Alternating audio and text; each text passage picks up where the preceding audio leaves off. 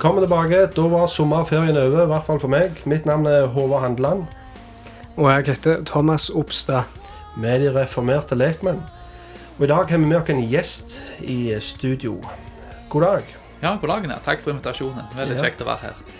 Ditt navn, hva er du for en kar? Eh, Jonas heter jeg da. Jeg er 32 år gammel og er fra Karmøy. Ja. Og, og han har hatt en lang kjøretur nå, så vi måtte ha han med på restaurant rett før vi innspilling her og måtte få noe mat i magen, så det var koselig. Så vi har i grunnen fått en lang, god drøs nå, så jeg håper ikke vi har fått brukt opp alt det gode materiellet. Men vi må nok ha en del repetisjon her, for det var mye interessant som kom fram. Du er Jeg har litt lyst til å høre litt om, eh, om deg. Først og fremst, hvem er du? Hvor, eh, hva er din bakgrunn?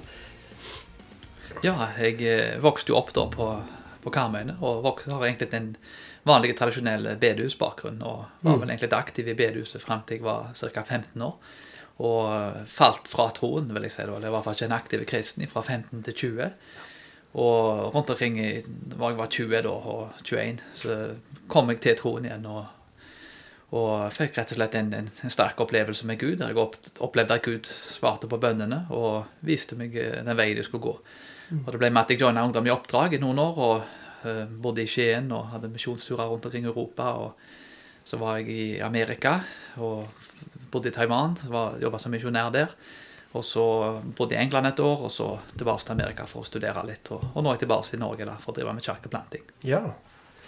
Det var en eh, rask Effektive. Det var raske ti år. Ja, det går fort de ti årene. Det lar ikke se seg tilbake og se hvor fort det har gått. Stemmer det. Du, eh, hva, er utdanningsbakgrunn? Hva snakker vi da? Ja, eh, jeg eh, tok da Jeg var på ungdom i oppdrag til å begynne med, og tok en associates for biblical studies, da, som er en ja, du bruker en del tid på å studere Bibelen, annet et år i Montana med School of Biblical Studies, der du bruker tolv timer eh, til dagen og seks dager i uka der du på en måte intensivt studerer Bibelen. Så det er litt, litt av den bakgrunnen. Og jeg gikk, videre gikk jeg på, på Gimlekollen, tok en eh, bachelorgrad i kommunikasjon, livssyn og, og kristen apologetikk. Og så senere så gikk jeg til Amerika og tok en eh, mastergrad i, i teologi. Uh, integrert i, i bachelorgrad nå, så var det jo da ett år på, på Oxford med Ravi Zacharias Institute, uh, Oxford Christian Center of, of, eh, of Christian Apologetics. Så det er jo en, eh, en veld, veldig kjekk, eh, kjekt år der jeg fikk oppleve mye og fikk være med på universiteten og, og dele evangeliet med folk, i tillegg til å bli opplært i apologetikk. Så det har vært litt, litt, litt variert bakgrunn der med forskjellige ting. Men, Ja. Du er godt bereist, da. Ja, egentlig. Jeg er vel blitt det, skulle du si. Jeg likte Ja. jo ikke å reise opprinnelig, kan du si, før jeg ble aktiv i kristenlivet mitt. Jeg, jo, jeg ville jo ikke reise i det hele tatt. Det var noe som egentlig håpet at jeg skulle slippe, men eh, jeg har begynt å like det nå. Hva, hvis jeg spoler litt tilbake igjen, hva var det som gjorde at eh, i 20-åra, hva var det som gjorde, hva var vendepunktet? Ja, det, det, fra 15 til 20 så begynte det at jeg var litt av og på med at Jeg begynte- var ferdig med, med skolen. Litt av og på med jobber og mista litt mening og, og, og mål med livet, rett og slett. Og, og jeg begynte å spille mye dataspill og kunne spille kanskje for 18-20 timer i døgnet skal si, i perioder. da, Og var vel egentlig litt avhengig da, av dataspill. Og, men jeg kom rett og slett til, til bunnpunktet og tenkte at eh, det, livet var rett og slett meningsløst. Jeg så på en måte ikke meningen med å gjøre noe.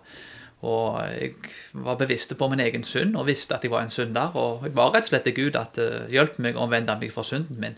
Hjelp meg å rett og slett forandre livet mitt. Og rett og slett kunne snu mot deg og sende noen inn i livet mitt som vil være med og forandre livet mitt. Så jeg kan vise meg den veien jeg skal gå. Så det var en bønn som jeg ba til Gud. Og dagen etter jeg hadde bedt den bønnen, så fikk jeg en telefon av en predikant som ringte til mor mi, for hun jobba på kontoret i Nordmisjon. Og av en løyen grunn så fikk jeg for meg at jeg skulle spørre han om han ville komme på besøk i helg. Og som sagt, jeg kjente jo ikke fyren, men, men eh, Og mor mi var jo sjokkert, liksom, at jeg, for verden, jeg hadde sagt til henne at jeg kommer aldri til å gå i kirka igjen. Og jeg hadde jo ikke vært i kirka på, på fem, fem år. Så, men jeg eh, spurte han om han ville komme den helgen, og det gjorde han da faktisk. Han tok faktisk tid til det. Og i denne mannen her så så jeg en enorm eh, kjærlighet, og han satte seg ned og svarte på spørsmålene jeg hadde, og var villig rett og slett til, til å veilede meg. Og, og mot slutten på, på besøket så sa han til meg at uh, han følte at Gud hadde minnet, ham på at uh, jeg skulle reise rundt omkring i forskjellige land og være med i evangeliet. Og det første jeg tenkte, var jo at eh, dette hans fyren har sikkert røykt hasj. Det, det, dette var fjerne tanker for meg. Jeg hadde ikke vært involvert i kirka på lange tid, og, og, til og med den kirkebakgrunnen jeg hadde, så var ikke det den typen ting som folk hadde sagt til meg før. Men eh, jeg tok det til hjertet, og jeg ble med til Sverige en tur faktisk da, og, og traff noen folk der. Og jeg traff faktisk en pastor der, og han kom bort til meg og sa akkurat det samme. Så jeg okay. var over at de to folkene som var uavhengige av hverandre, endte opp med å si da, at jeg skulle gjøre disse tingene. Altså, jeg, jeg hater å reise. Jeg hadde ikke tenkt å stå og snakke offentlig foran folk, og det var det siste jeg, jeg ville gjøre. Så det var på en måte helt utenkelige ting som de sa på den tida. Men eh, jeg tok det til hjertet, og det har vist seg da etterpå. Jeg har jo bodd i fire land etterpå og besøkt 20 land. Og annet jobba i misjonsprosjekter i Ungdom i oppdrag, og annet i, i Montana i Amerika. Og i, i, Taiwan og litt rundt omkring i Europa. Og så bodde jeg et år i England. Så det har jo blitt oppfylt, det han mm. sa. kan du si. Det, så det er jo litt morsomt å se. Ja, Og nå er du eh, kommet tilbake til Norge. og misjonsreisen er ikke ennå ferdig, men han er visst bare begynt her òg, forstår jeg. Ja, det kom tilbake til Norge, da, så det er jeg litt, ja. litt overraska over sjøl at jeg endte opp her. Men... Du tok jo en uh, master, var det ikke det, i USA? Ja. Men uh, det var ikke bare master du fikk med deg fra utlandet. Du fant vel òg de, de kona der? Ja, det var faktisk uh det var vel i 2. april 2011, hvis jeg husker rett. Eh, det var på en, lørdag. Da var jeg faktisk eh, Det var da jeg var med opptak på Skole Biblical Studies. Eh, da, mot slutten da, på altså siste semesteret på skolen, så var det en, en, en vårferie altså før det neste semester begynte. Så var jeg med en kompis da og skulle campe i skogen i Porten, Oregon, faktisk på vestkysten av Amerika. Og de tenkte det var faktisk, det setet var faktisk opptatt, men så så han er en kar som skulle sitte i bilen, og han havna i en konflikt med han andre som gjorde at jeg fikk det setet da i plassen. Og jeg ble med han, og jeg campa i skogen en uke. Og jeg ble faktisk syk da jeg skulle på dette, noen som heter Powers Bookstore, som er en av de største bokhandlene i verden. Men jeg ble syk, så jeg ble faktisk utsatt at jeg skulle besøke den bokhandelen. Men, det endte opp da med at jeg gikk der den siste dagen da før jeg reiste. Og gikk i den kristne apologetikkavdelingen. Og da sto kona mi der, kan du si. Og... Så det var rett og slett en sånn skikkelig amerikansk eh, film, rett og slett, der de treffer hverandre på biblioteket, og bordet detter på gulvet, ja, og ja. hendene møtes. det, det, er helt sant, altså. Ja, det hun, hun skulle faktisk på ja, altså Hun var gjort ferdig teologisk seminar da, hun gjorde ferdig mastergraden sin. og og hun skulle, tenkte på å bli, bli misjonær i Taiwan, så hun er jo da etnisk eh, taiwansk. Men eh, foreldrene da har jo bodd i Amerika da i i 30 år. Så hun er jo født og oppvokst i Amerika. Så hun er jo da en amerikaner da, med, med etnisk taiwansk bakgrunn. Hun, men hun ville da tilbake til, til, si, til, til, røttene og, og drive misjon da i Taiwan, på en måte, for det var jo der slekten hennes kom fra, til tross for hun da ikke hadde bodd der før. Og jeg òg hadde tenkt å reise til Taiwan eh, som et, et sånn outreach-prosjekt der du underviser Bibelen i, i Mongolia. De hadde en base faktisk i Taiwan. Så, så vi endte faktisk med å bli kjent med hverandre videre gjennom Skype. Jeg hadde ikke så mye tid igjen der jeg var, så, så vi ble egentlig skikkelig kjent med hverandre gjennom, gjennom, internett. Og vi endte opp med å bo en halvtime fra hverandre i Taiwan. Hey. Så, så, så, det var egentlig der da vi ble kjent med hverandre etterpå. Ja vel. Jeg har lyst til å høre litt mer om um, Thomas, du nevnte det litt sånn innledningsvis med menighetsplanting. Eller var det på det forrige? Uansett, iallfall. Ja. Det er det du er aktuell med nå. Ja, det... Stemmer det. Men jeg har lyst til å høre litt mer om det. Hva slags menighet er det dere skal plante, og hvor er det dere skal plante? Ja, jeg kan kanskje først si at uh, hvis du hadde sagt at jeg skulle være involvert i, i kirkeplantning, så hadde det altså, Det var det siste jeg hadde i hodet, kan du si. Var, jeg var faktisk på Westminster Theological Seminar i Philadelphia. I, det er vel egentlig en del av Glenside, men det ligger nærmest den amerikanske byen på, på østkysten. Philadelphia. Og um, det endte faktisk opp med det siste eh, evnet som jeg tok på skolen. da var faktisk i kirkeplantning. Jeg kan alltid ta det òg. Han var en kjekk kar som underviste og sånn. og Han hadde sikkert noen vesentlige ting å si. Og, men jeg hadde egentlig ikke tenkt å ta det da. Jeg tok det på en måte bare for bare på kjekt, liksom, for jeg måtte følge opp eh, programmet mitt. Og, men endte faktisk opp med at det emnet ble faktisk kanskje det viktigste jeg tok. da. Det var Ja, ja. fantastisk eh, dyktig han som underviste da, i kirkeplanting. Og det endte opp med at det var det faktisk jeg skulle få mest bruk for. Ja. Så jeg synes det ofte er litt morsomt å, å se at jeg er involvert i kirkeplanting. For det, det viser jo på en måte hvordan Gud kan bruke noen ubrukelige og usannsynlige folk til å gjøre brukelige og sannsynlige ting. Så det har jo vært eh, litt, litt, litt morsomt å se, da. Så, eh, Måten jeg kom inn i, det å så ville da plante den første presbyterianske kirka i, i Norge. Og det var mot slutten da eh, av studiet mitt, så jeg tenkte hva skal vi gjøre videre? Skal vi gå til Norge en tur? og Vi hadde jo tenkt å reise til Taiwan og være i misjon. og men kanskje vi skal få et par år eller et annet med, med foreldrene mine hjemme i Norge, eller hva skal vi gjøre videre? Så jeg jobba jo litt med å bli ordinert da, i det presbyterianske kirkesamfunnet. PCA, da. Presbyterian Church in America. Og um, det, det endte jo opp med at eh, ja, det ble ordinert der, men du må ha et kall en, en plass og, og, altså, du kan bruke eh, ordinasjonen til. Hvis ikke kan du ikke bli ordinert heller. Og um, jeg tenkte, Det var bare tanker dette her. Jeg hadde ikke bestemt meg verken for å bli ordinert eller gjøre noe annet. Men, men det endte opp med at vi søkte litt på, på nett, og så kona mi fant faktisk en webside som, som heter Matt og Deborah, Deborah Stanghelle. Som da er den amerikanske familie som har en visjon å plante den første presbyterianske kirka i Norge. Visjon da som de har hatt i flere år, men så lette de til folk da som kunne være med på dette.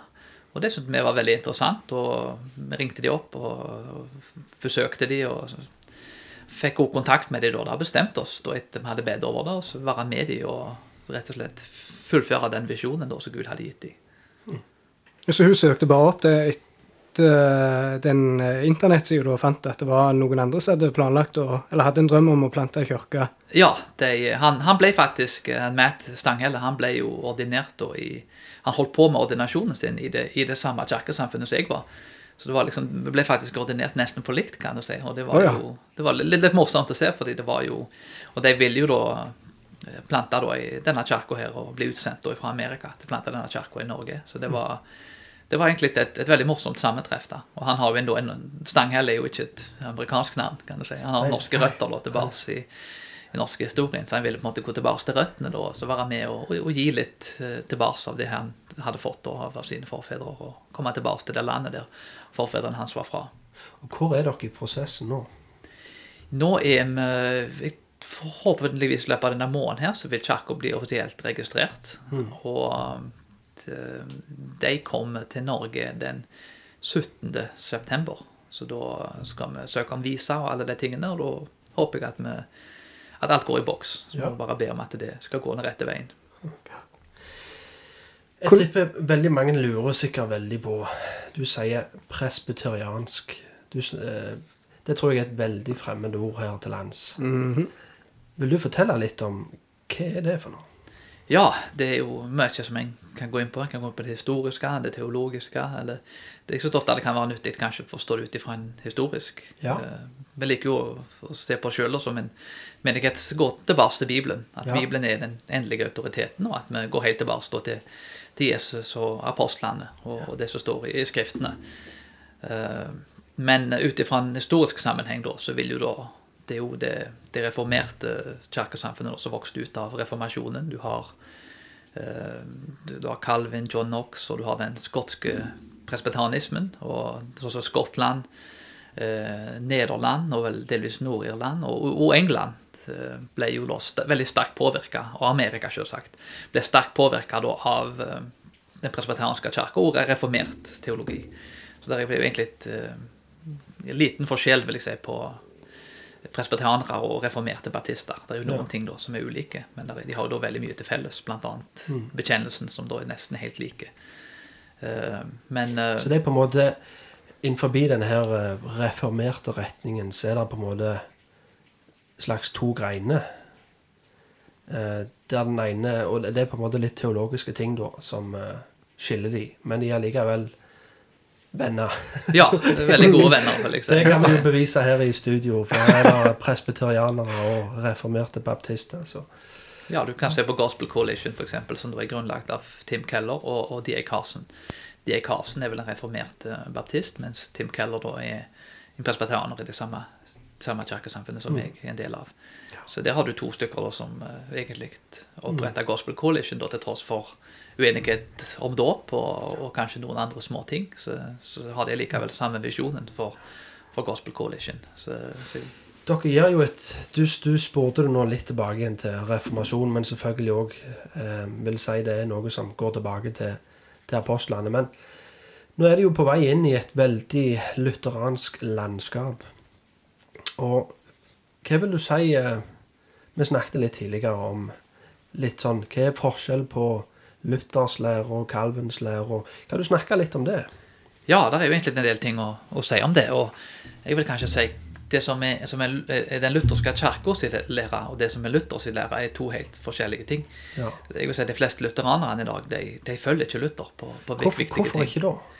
Vi kan f.eks. ta det med fri, altså The Bondage of the Will, da.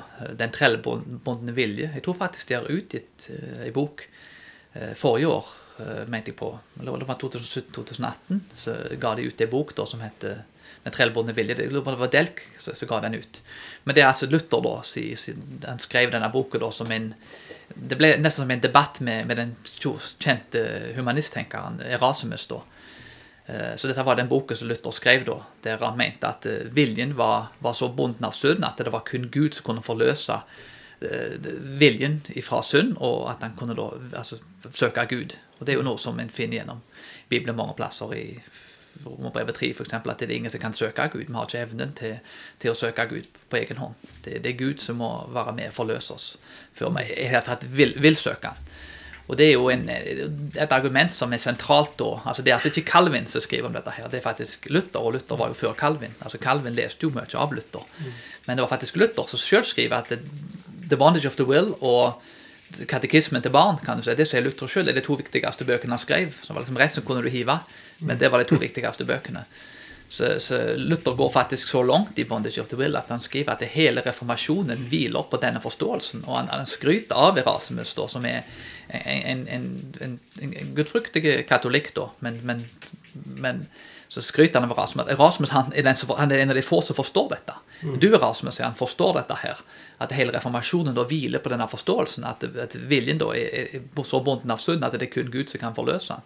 Erasmus var ikke enig da, men han forsto problemet.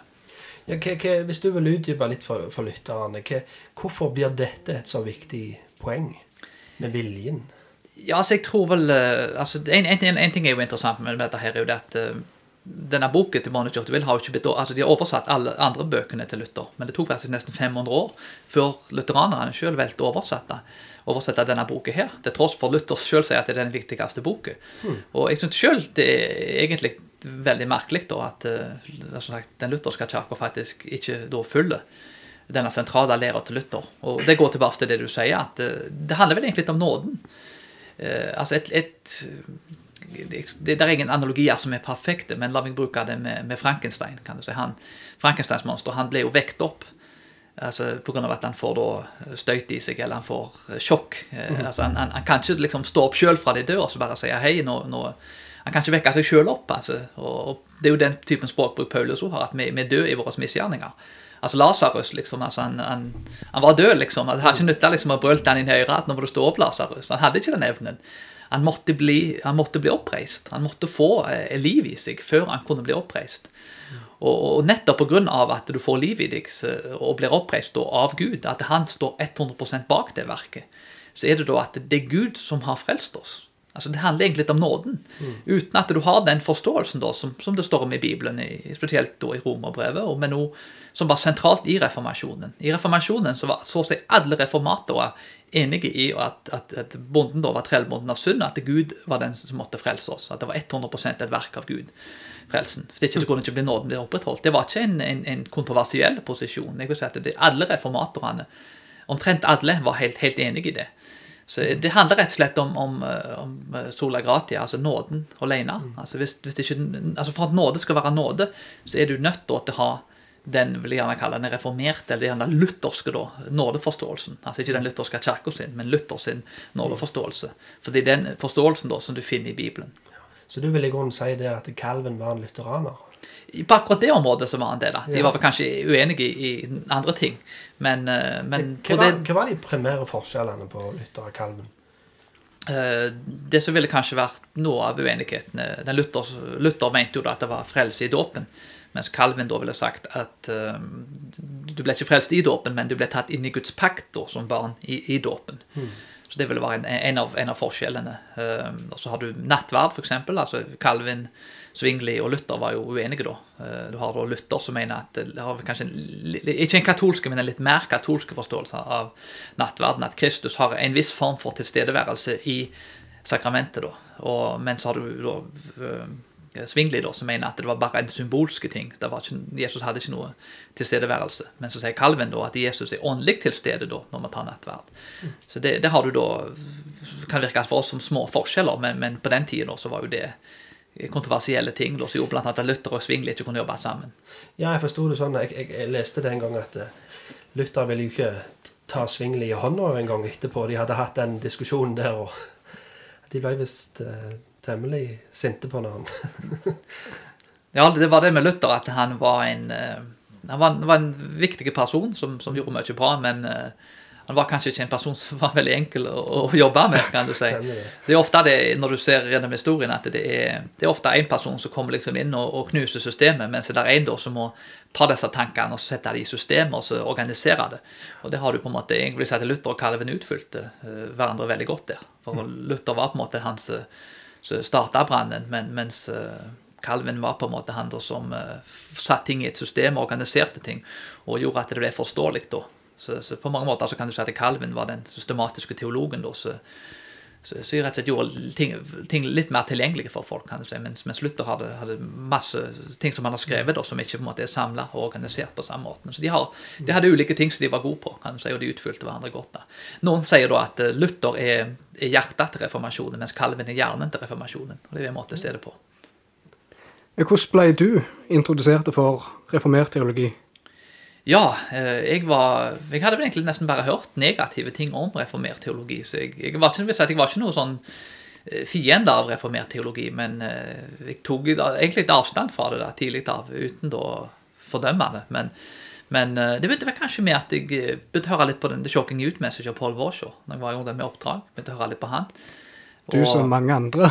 ja, det, han har hatt en stor påvirkning her i Norge. Han er mange som jeg tror som har, har blitt inspirert av den talen. da. Det var vel kanskje en av de tingene som da eh, jeg begynte med. Jeg leste Francis Schaeffer.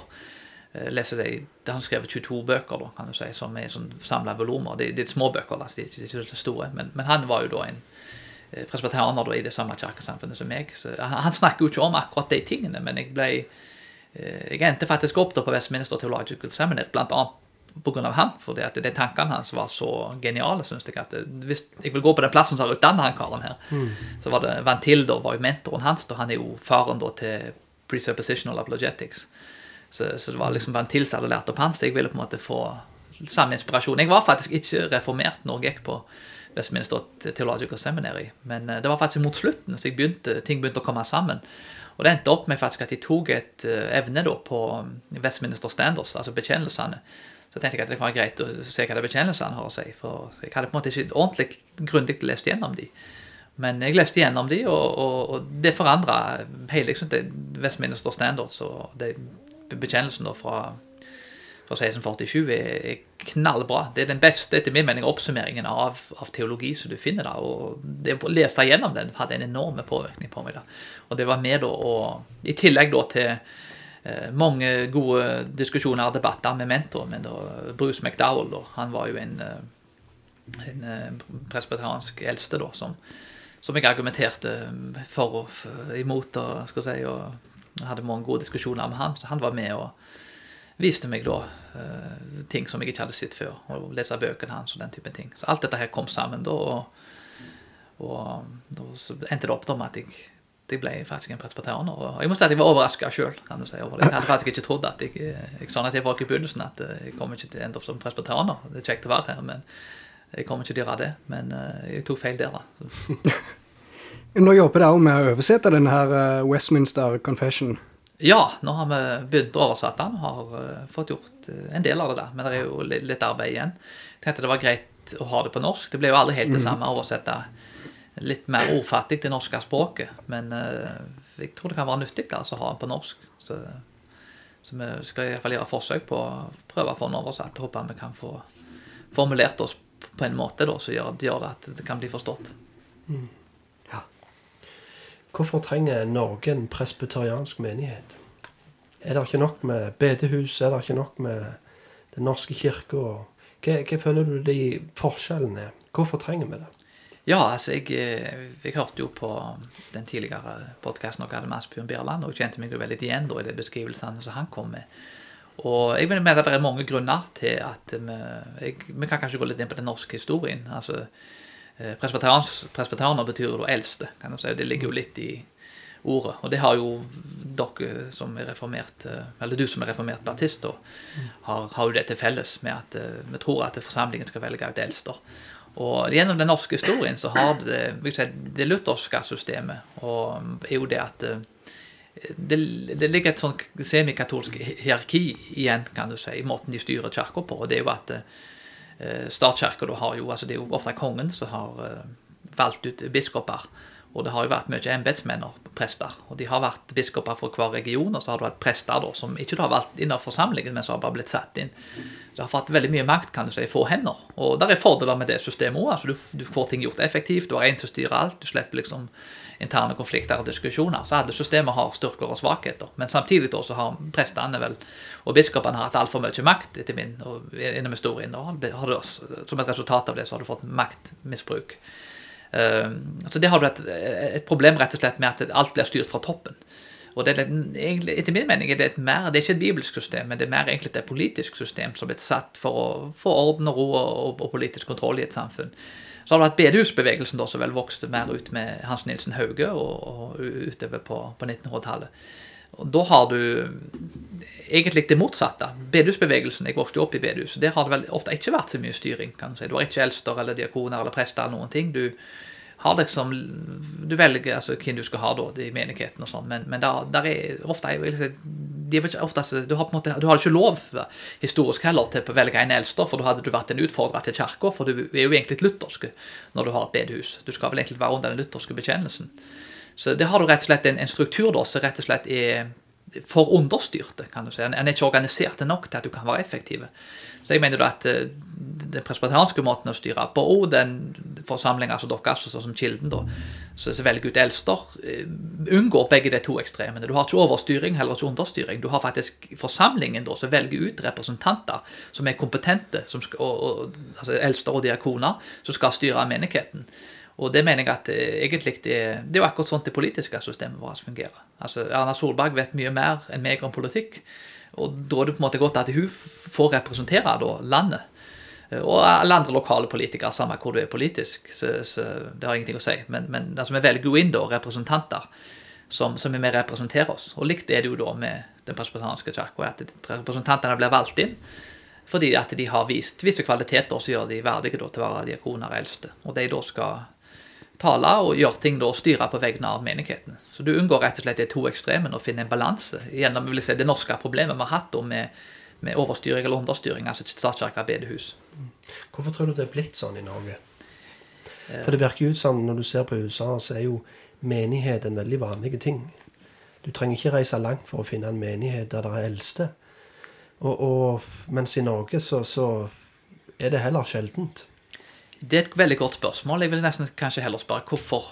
Et enda bedre spørsmål er kanskje hvorfor ble det sånn i Amerika? Ja. Jeg vil nesten si at det er sånn som vi har hatt det her. og altså De fleste samfunn gjennom historien har ikke hatt veldig mye frihet. kan du si. Det har vært Politikere har vært veldig opptatt av å kontrollere ting. For å holde orden. Og det er jo et argument der òg, at de vil ha orden og ro og, og, system i samfunnet. De vil ikke liksom at alle skal gå rundt som løse kanoner og finne opp egne ting. For Da får du ustabilitet og uro i samfunnet, og du får indre konflikter, og du kan få borgerkrig hvis du, dette her får ete på seg i kanskje i 100 år. Så, så Politikernes oppgave har rett og slett vært å holde ro og orden og fred i et samfunn. Og I Norge så har det vært det at ok, alle er norske, alle er lutherske. Altså, omtrent alle norske historier har vel vært døpt da i, i kirka. Og det er liksom at alle deler den samme troen. Så, så, så, er det på en måte ikke så mange grunner til å hate hverandre. Så det har rett og slett vært en, en, en politisk uh, rett og slett en måte å samle folk på. Og det, det har for all del hatt positive elementer der. Og Norge har vært et fredfullt land og har den annet lengste annet grunnloven etter Amerika. Som har jo egentlig ikke vært et land som har spesielt, vært spesielt eh, fokusert på, på, på vold eller, eller, andre ting. Vi har, vi har en lang historie med, med forholdsvis mye fred sammenlignet med en del andre land. Så jeg vil rett og slett si at det er en politisk styring av, av kirka. Jeg vil nesten si at det er mer overraskende for meg at Amerika at de fikk lov der til, til boltre seg fritt. Altså Ulempen da blir at du har Scientology og du har andre sektorer. og type ting som med kontrollerer eh, folket. Så det har de hatt mer av da av i Amerika enn de har hatt av i andre land. Men eh, jeg er vel ikke en mer en større tilhenger av den amerikanske modellen. For det har ikke statene blanda seg opp i kirkene. De har fått lov til å organisere kirkene sjøl. Og da har du større frihet til å følge det, Bibelen sier. Det, det lutherske systemet er nesten et ideelt system for Og det katolske systemet det er jo et ideelt system for politikere de vil ha biskoper over regioner og folk som ble, ting som blir styrt fra toppen. Det er mye enklere å kontrollere folk. Så, så jeg vil si at det, det, har med det å gjøre. Det er iallfall én tolkning som du kan ha på det. men si, Kjenner du godt til på en måte hvordan det kristne landskap i Norge er, i forhold til du som har studert i utlandet i så mange år? og det, Blir det en litt omveltning for deg å flytte tilbake til Norge igjen og starte menighet og ja, på en måte finne ut hvordan det er Kjenner du at du har, forstår hvordan det kristne landskapet i Norge er, hva som skjer, og hva som foregår? Og... Ja, så det har vært et eh, på en måte litt kultursjokk kanskje av å komme hiv når det har vært så lenge i utlandet. Så, så det, jo, det, har kanskje vært litt overraskende å se altså jeg vil si at Amerika er jo mye mer kristent da, generelt sett. Altså, det er mye mer aktivitet i kirkene. Og det er vel kanskje noe som jeg egentlig savner, da, å ha den amerikanske kirkestrukturen. Og kona mi er jo amerikansk, så hun vi har jo gitt meg da innblikk i ting på en måte som jeg ikke hadde tenkt over ellers. Så hun, så hun tror syns det kanskje er vanskelig å forstå på en måte hvordan den uh, norske menigheten fungerer. Nå er jeg jo fra en liten plass, da, så da blir det jo litt mer begrensa med hva det er. Men, uh, men jeg, jeg, kunne kanskje savne å sitte i altså, altså, Jeg mener at eh, pga. at du har bedehus og du har statskirke, så har du du får liksom ikke samla alt på én plass. Altså, problemet det har jo vært at presten har vel ofte vært litt distant fra folket. Han har på en måte ikke alltid, han har vel egentlig vært liksom en del av overklassen, men så har du bedehusene, da, så har du utdanna lekpredikanter da, til forkynne liksom til, til bønder og fiskere den typen ting. Så, så det har, det har, men det har gjort at du har på en måte ikke fått noe som har balansert disse to tingene ut. Du har hatt én menighet med så gudstjeneste klokka 11 på en måte, der pastoren på en måte kjenner forsamlingen og er nærme forsamlingen. Så, så, jeg kunne kanskje tenkt hatt litt mer av den Kanskje litt mer sånn som dere har i Kilden, da. Men uh, samtidig så vil jeg også si at uh, vi har faktisk en veldig god prest der, uh, der jeg bor. da, Og der er åpenbart veldig flotte det er gode menigheter og jeg, gode bedehus. og det er ikke alle, Til tross for at statskirka har vel det med mening gått feil retning, så er det òg veldig solide prester der òg som er med for å forkynne hele Guds råd. Hva vil du si som en pastor som skal starte menighet i Norge? Vil jeg, hva vil du si er den største avguden for det norske folk? Uh, ja, det var egentlig et godt spørsmål. Uh, uh, hva blir det? Apathy? Ved likegyldighet, kanskje? Likegyldighet. Ja, jeg tror, jeg tror, kanskje det er folk at de de er metta av, av olja, rett og slett. Tror jeg, eller? Ja. det, så det er rett og slett Ja, jeg tror kanskje det er velstand. Altså, jeg tror det er blitt en iallfall jeg vet ikke kanskje om det er likt i Stavanger, men det iallfall på, på Karmøyene så rett og slett opprettholde en, en veldig dyr livsstil, kan du si. Og reise masse og, og, og, rett og slett ha det veldig fint og den typen ting. Bruke mye penger egentlig på seg sjøl, kan du si. Så det er rett og slett eh, ja, en, en, en en, en, en, en, sånn, en, dyre livsstil, kan du si. Og, mammon, mammon, rett og slett? Ja, på en måte så kan du si at det kan gjerne er mammon, da, eller iallfall det mammon kan gi, da, i forhold til kanskje hedonisme. Du kan kanskje sette det i kategorien hedonisme. Det, det er jo hva, hva, hva, for de som ikke forstår hva det er? Eh, nytelse, kan du si. At nytelse. du skal liksom kose deg og nyte av livet. Og det er jo ikke sånn da, ut ifra det kristne perspektivet, at du, du har lov til å kose deg som kristen. Du har lov til å ete en en god burger si, og, og, litt fries, og, og, du har lov til å ta deg en ferie. og Det er ikke sånn at vi ikke skal Vi kan ha det fint hjemme. Det, det er ikke sånn at vi hvis du ikke liksom går ut i en kano over jungelen liksom, og nærmest blir spist av alligatorer, så har du liksom ikke kjempa for Kristus. Det, det, ikke den, det var liksom litt mer den gamle misjonsholdningen. at du mm.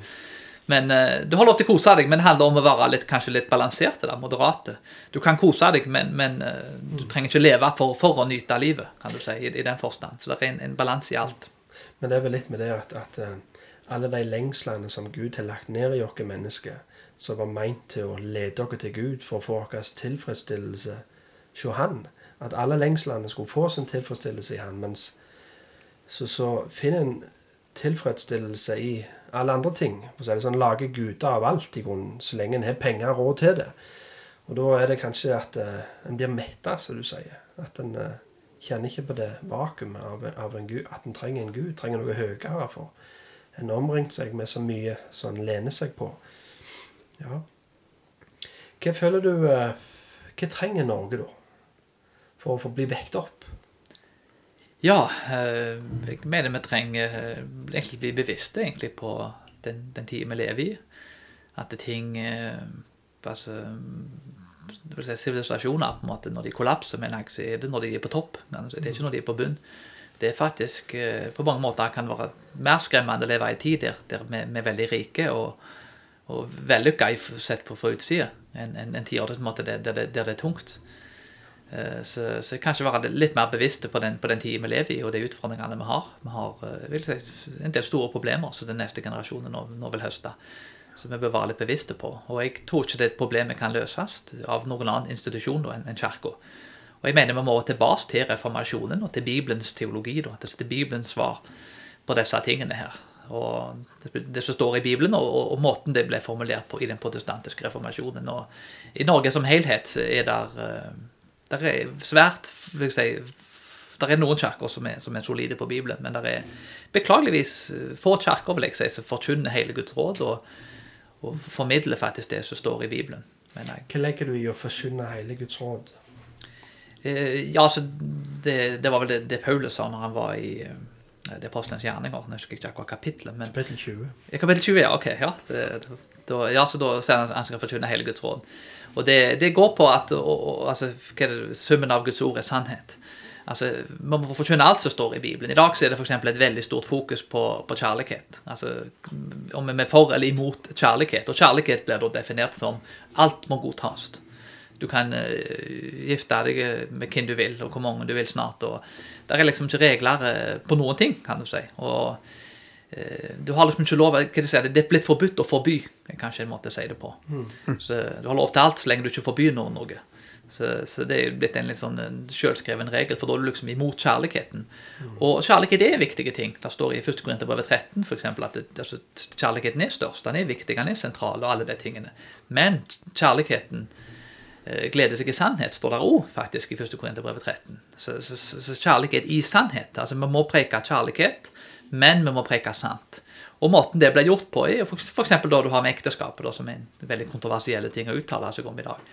Men, men, du kan si til noen at eh, ja, jeg, du virker som en kjekk person, jeg er glad i deg, og eh, jeg, jeg bryr meg om deg som person. Jeg er ikke enig i måten du har valgt å leve på. Og jeg må bare si det som det, altså Den bibelske standarden for et ekteskap er da mellom en mann og en kvinne i et monogamt ekteskap. kan du si. Og det i dag så blir det sett på som at du, du, hater folk hvis du sier det. Mm. Men jeg vil argumentere akkurat motsatt. Det, jeg sier nettopp det for at jeg ikke er glad i folk. Altså Jeg sier jo ikke ungene mine hvis de gjør noe som, som jeg mener er galt.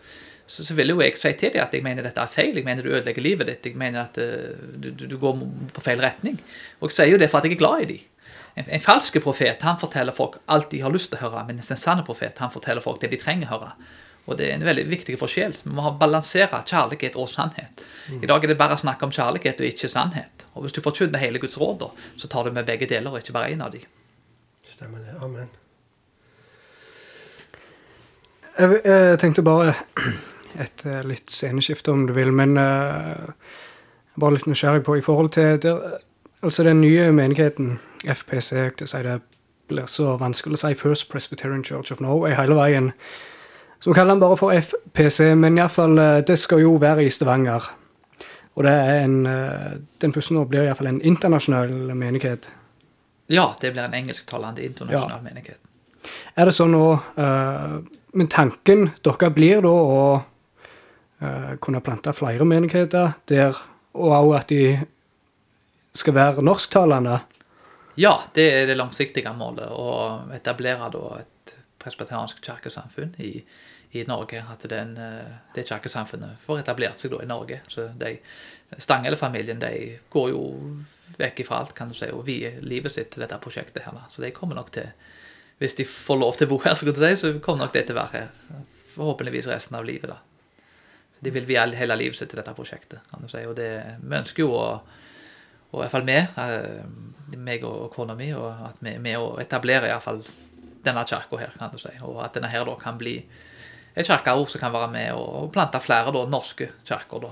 Men, eh, men det, på grunn av at dette er jo et internasjonalt kirkesamfunn, så kan det være greit å begynne det på, på engelsk.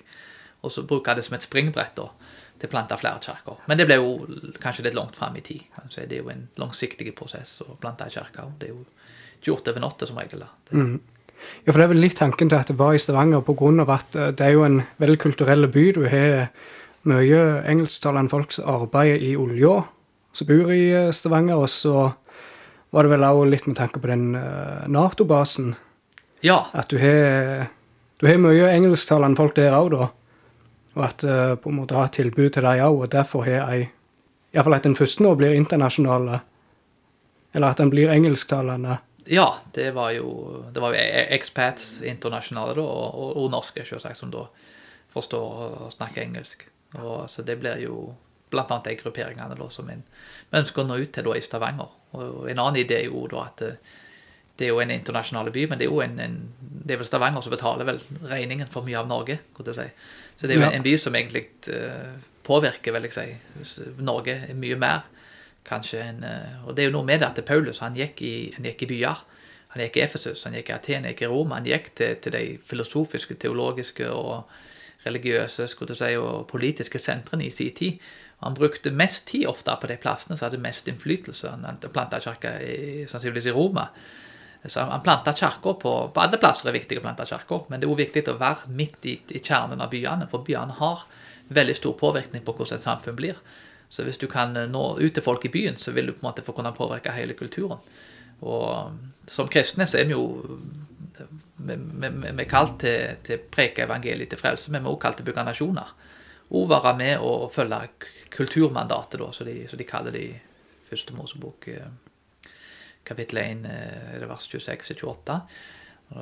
Det handler om at vi skal, vi skal legge jorda under oss, og det at vi skal være med og rett og slett å, å forvalte skaperverket på, en, på en måte som er, som er gudverdige. Og det, det, vil jeg si i større grad har en, en større påvirkning i byer. Så jeg mener det er viktig at uh, kristne faktisk planter kirker i byer. Det er viktig at vi er alle plasser, men, men, men kanskje spesielt viktig i byer. Ja, Det var en ganske interessant tanke må jeg si, i forhold til for uh, Du har jo uh, NLM, for eksempel, de, de starter jo mye arbeid på plasser der det helst ikke fins menigheter i Norge, liksom. Det er iallfall det er veldig få kristne, og jeg skal på en måte prøve å nå ut til det unådde i Norge, om du vil. Men det var et ganske interessant perspektiv du tok der med, med Paulus som reiste fra by til by, og på en måte Ja, dere velger Stavanger av en viss hensikt, da, i forhold til å reise til ei by langt ute i Gokk, uh, der så det ikke bor noen folk, liksom. Ja, absolutt. da. Det, og det er jo for eksempel, for å bruke Amerika som et eksempel. Da, så, altså, den amerikanske kulturen nå, det har jo, altså det er veldig mange kristne, kan du si, men allikevel så er jo den kulturen nå blitt fiendtlig innstilt vil jeg si, mye mer nå da, til kristendom enn hva det var før, til tross for det er bedre der borte enn hva det er her.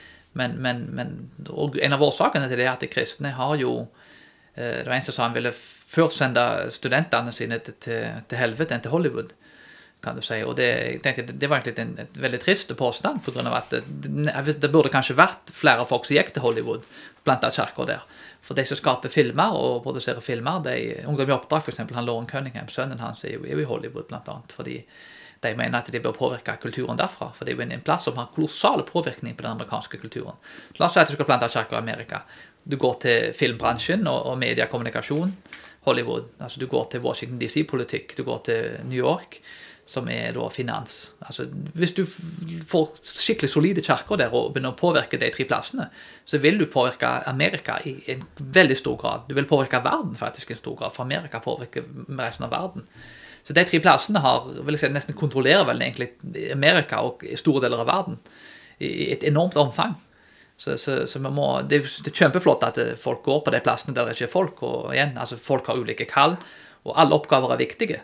Men jeg syns kanskje det har nesten vært at kristne har vel trukket seg ut av kulturen. og de har liksom ikke kanskje gått på, de, har på en måte ikke deltatt nok i kulturen. da, og, og rett og slett, Jeg mener at vi har en viktig oppgave der. å praktisere det kulturmandatet. da, og Det er en ting som har vært liksom, i hvert fall mangelvare når jeg, i hvert fall den kristne, mens jeg var vant med. Men. Ja, det var veldig interessant å få sitte og høre på. Du var en uh, interessant mann, uh, blitt gitt mye visdom. Vi skal ha deg med en episode til, så vi slipper deg ikke ut helt ennå. Um, men uh, sånn avslutningsvis så pleier vi alltid å ha et lite segment der vi har dagens anbefaling, som vi kaller det. Så vi kan jo begynne med deg, Jonas. Er du en dagens anbefaling? Og det trenger ikke være teologisk. Det kan være en uh, mormors uh, hjemmelaga pannekake. Men take it away. Jo, altså jeg er jo veldig glad i, i pannekaker, si. men, ja. uh, men, jeg tenkte kanskje heller skulle anbefale ei bok. da. ja. Eller kanskje to. Men, Kokebok? Nei, ja, ja det, jeg vet ikke helt om du vil at jeg skal koke på kjøkkenet. Ja. Kona mi er en veldig god kokk. faktisk. Hun er veldig glad i å lage mat. Så, det så da overlater jeg det til henne. Hun hadde nok hatt mange gode anbefalinger der. Men jeg tror helst det skal holde meg til, til bøker og, og, den typen informasjon. Uh, det er en bok som jeg holder på å lese nå, som jeg syntes var veldig bra. Det var 'Lurt av læreboken' av Bjørn Are Davidsen. Mm. Han uh, og to andre da går rett og slett de analyserer det er et forskningsprosjekt betort av Laget, den kristne organisasjonen, der de analyserer norske tekstbøker og måten da kristendommen ble fremstilt. Mm. Og jeg hadde ikke noe spesielt positivt inntrykk på hvordan kristendommen var. Eh, fremstilt i norske tekstbøker. Men det er faktisk mye verre enn jeg hadde trodd. Det, det hadde jeg ikke trodd at jeg, at jeg kom til å få se det. Men, men der dokumenterer de det grundig. En veldig god, eh, bra bok som er, som er veldig godt dokumentert. Så, så, kristendommen er rett og slett eh, veldig negativt fremstilt i, i, i norske tekstbøker. Du sitter hjemme med et inntrykk liksom at det du er liksom Du vil du vil ødelegge samfunnet nærmest hvis, hvis, hvis, hvis, du vil fremme kristendom. Du vil liksom sende oss tilbake liksom, rett inn i den mørke middelalderen. den typen ting. Mm. Og det er kanskje ting som er viktige å huske på, spesielt for de som har unger. at du, I dag så er det heldigvis veldig mange gode ressurser tilgjengelig. Og det går faktisk an å, å bruke internett i dag til, til å være med balansere det ut. Når du studerer disse tingene i norske tekstbøker, så kan du øh, gjøre det på sida. Kanskje ta med en sånn bok og fortelle ungene dine faktisk så har kristendommen bidratt til enormt mye gode ting. Mm. Og, så det, det, er en veldig god bok som jeg kan, virkelig kan anbefale sterkt. Og, og, kan jeg anbefale en ting til? eller? Ja, kjør på. Um, jeg hører jo mye på en, en, en, en jøde, da, kanskje, for det som liker Ravi Sakarias. Da, så jeg kaller han alltid den jødiske Ravi Sakarias. Så, ja, ja. Mm. Så, så, han er jo en ehm, noe som heter som Prager University. Der er det òg en, en, del ting om, om, om kristendom, og, men generelt sett om, om, politikk og andre ting. Gode, veldig gode refleksjoner. Det er jo et ehm, Altså, og generelt sett bøkene og de tingene som Dennis Preger har sagt og skrevet. Jeg tror, du må si navnet hans veldig seint. Dennis Preger. Dennis Prager. Så, det som er lyst til å... Og spesielt Preger University. Der, okay. der, er jo ikke alt der som jeg er enig i, men det er veldig mye da som er veldig bra. Så ja. Spesielt det med, det, med, det med, tro og religion og den typen ting. Ja. Huh. Thomas, er du i dagens anbefaling? Ja, uh, nå tidligere i uka leste jeg en veldig bra artikkel av Nå kommer jeg jo ikke på hva han heter, men det er en som er vokalist i et uh, kristent rock metal-band som heter Skillet. Jeg vet ikke om dere har hørt om det. Mm -hmm. Men iallfall han skrev det, For nå nylig så var det jo en Han var tidligere lovsangsleder i, i Hillsong, som gikk ifra trua. der han herren Så skrev det innlegget, da. Han tar et oppgjør med Altså, han tar ikke oppgjør med Hillsong, men han tar oppgjør med hvordan han herren uh, lovsangslederen så falt jeg for å trua, hvordan han uh, oppfører seg i ettertid i forhold til Han sier han liksom så at kristendommen ga ikke svaret som han ville ha, osv., og, og på en måte Han setter seg sjøl som standard og han, eh, tag, eh, han skriver artikkelen og viser på en måte hvordan både han eh, her så, så Fra Hillsong så falt ifra, og andre gjerne populære bekjennende kristne som har falt ifra, hvordan de likevel skal være så bastante i det og Eller i sin nye overbevisning, da.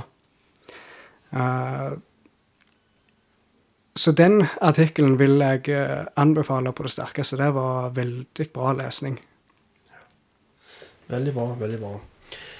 Hos meg kommer det ikke en dagens anbefaling, men eh, jeg vil eh, ønske dere en, eh, en god uke videre. Og så tror jeg vi sier takk for i dag, og på gjenhør. På gjenhør.